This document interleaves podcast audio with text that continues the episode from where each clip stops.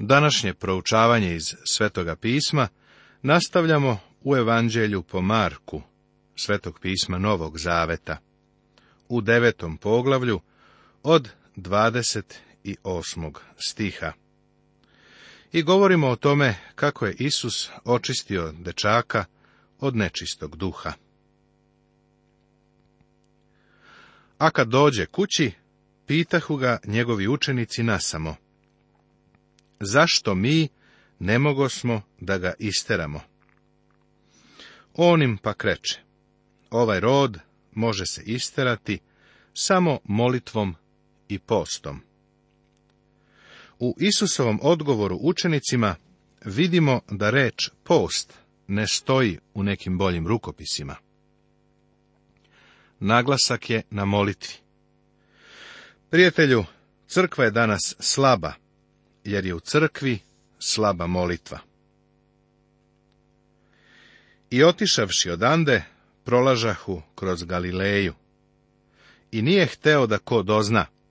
Poučavaše, naime, svoje učenike i govoraše im. Sina čovečijeg predaju u ruke ljudske i ubiće ga, a kad ga ubiju, posle tri dana će vaskrsnuti primetit ćeš da Isus stalno svoju smrt i vaskrsenje spominje zajedno. No oni ne razumevahu taj govor, te se bojahu da ga upitaju. Oni baš nisu sasvim razumeli ovo podizanje iz mrtvih. Isus ovde govori o svojoj smrti radi njih, pa bi pomislio da su ti ljudi mogli da sprovedu potpuno ispitivanje. Usuđivali su se da međusobno raspravljaju o tome ko će biti najveći u carstvu nebeskom nakon što je Isus objavio svoju smrt. Ovde bi trebalo da se stide svoga ponašanja. Ovo nije prvi put kada im gospod objavljuje svoju smrt i vaskrsenje, a oni i dalje ne razumeju. I dođoše u Kafarnaum, i kad bi u kući, zapita ih. O čemu ste putem raspravljali? A oni čutahu. Jer su se na putu među sobom prepirali ko je najveći. On pak sede pozva dvanaestoricu i reče im, ako ko hoće da bude prvi, neka bude poslednji od svih i svima sluga. Ovo je duboki duhovni princip veličine. I uzevši jedno dete, postavi ga među njih, zagrli ga i reče im. Ko primi jedno takvo dete u moje ime, mene prima. A ko mene prima, ne prima mene, nego onoga koji me je poslao. Ovaj princip je ilustrovao preko deteta. Zapazi da je Isus uzeo dete u naručje. Reče mu Jovan. Učitelju, vide smo jednoga kako u tvoje ime isteruje demone, a ne ide s nama. I branili smo mu, jer nije išao sa nama. A Isus reče, ne branite mu, jer nema toga koji će činiti čudo u moje ime i moći odmah zlo da govori o meni. Ko naime nije protiv nas, za nas je. I ko vas napoji čašom vode zato što ste Hristovi, Zaista kažem vam, neće izgubiti svoje plate. O Jovanu se uvek mislilo kao o takozvanom nežnom apostolu, ali obrati ovde pažnju na njegovo žestoko raspoloženje. Isus ovde ukorava svaki duh sektaštva. Zapazit ćeš da je osnova jedinstva koju je Isus postavio ovo u moje ime. Ono što se uradi u Isusovo ime, ni jedan njegov sledbenik ne može da poriče. Međutim, danas se etiketa Isus stavlja na mnogo šta što u stvari nije u njegovo ime. Pogledaj kako se u 42. stihu Isus ponovo vraća na dete koje je uzeo u naručje. Ovo je nežno i ozbiljno za one koji uvrede dete. I ko sablazni jednoga od ovih malih koji veruju, bolje bi mu bilo da se obesi magareći žrvanj o vrat njegov, i da bude bačen u more. Zatim dodaje sljedeće. Iako te tvoja ruka sablažnjava, od secije, Bolje ti je da uđeš sakat u život, nego sa dve ruke da odeš u pakao, u oganj neugasivi. Da li shvataš ko ovde govori o paklu? Ima danas onih koji kažu da je Isus nežan. Prijatelju, jedino je on govorio o paklu. Apostol Pavle o tome nikada nije govorio, ali Isus jeste. A pošto jeste, za nas bi bilo dobro da ga saslušamo. On je rekao da postoji jedno mesto koje se zove pakao.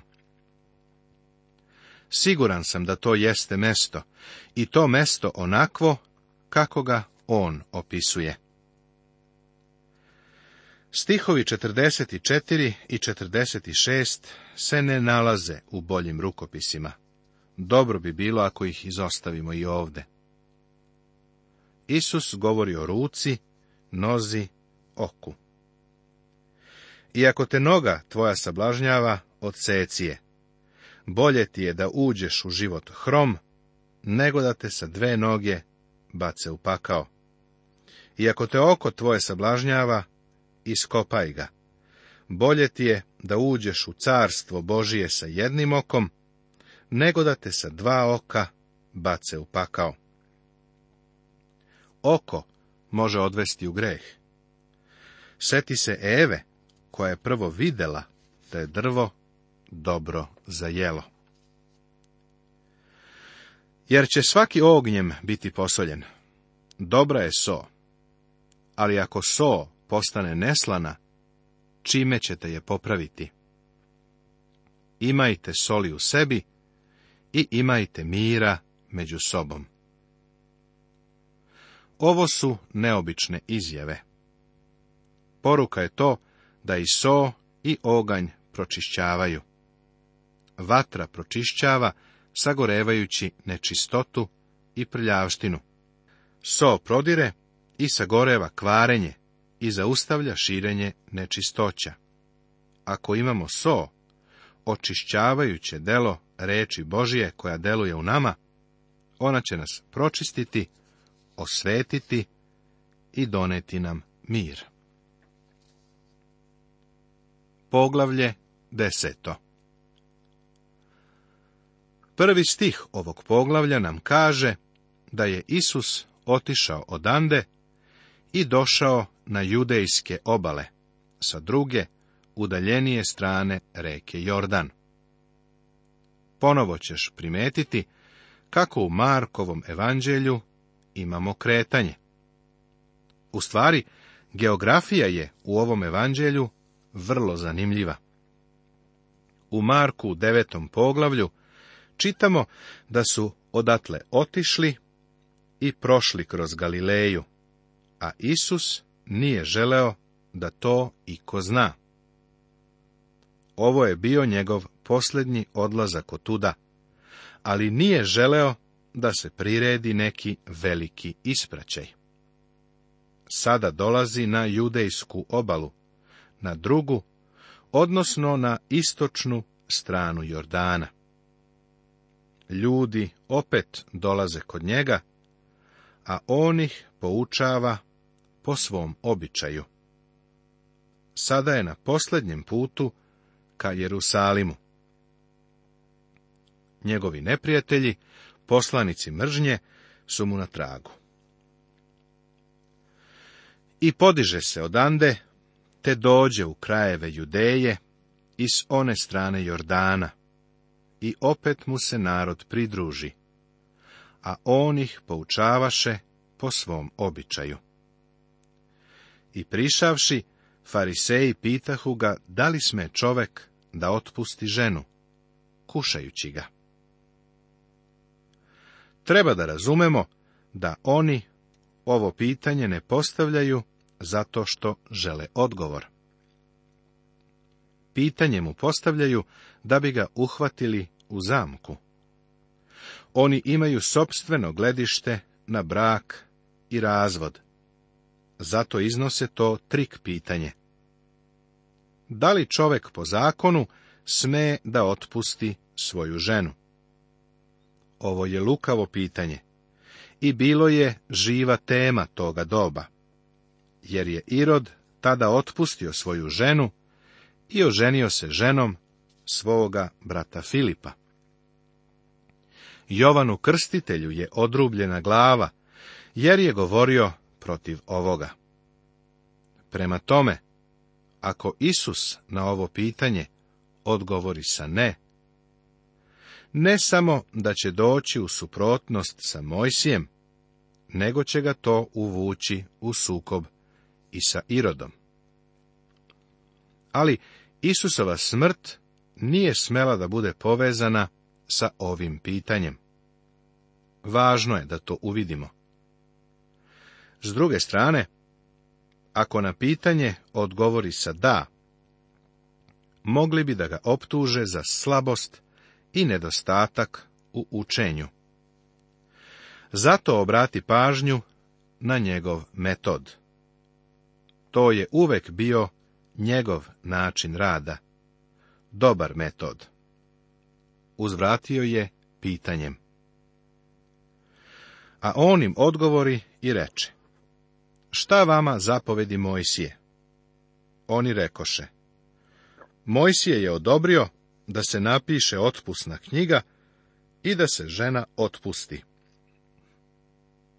Znao je da će morati to da kažu, jer tamo u petoj knjizi Mojsijevoj, u knjizi ponovljenog zakona, Starog zaveta, u 24. poglavlju, čitamo Mojsijev zakon koji kaže Kad ko uzme ženu i oženi se njom, pa se dogodi da mu ona ne bude po volji, što on nađe na njoj što god ružno, neka joj napiše knjigu raspusnu i da joj u ruke, pa neka je otpusti iz svoje kuće.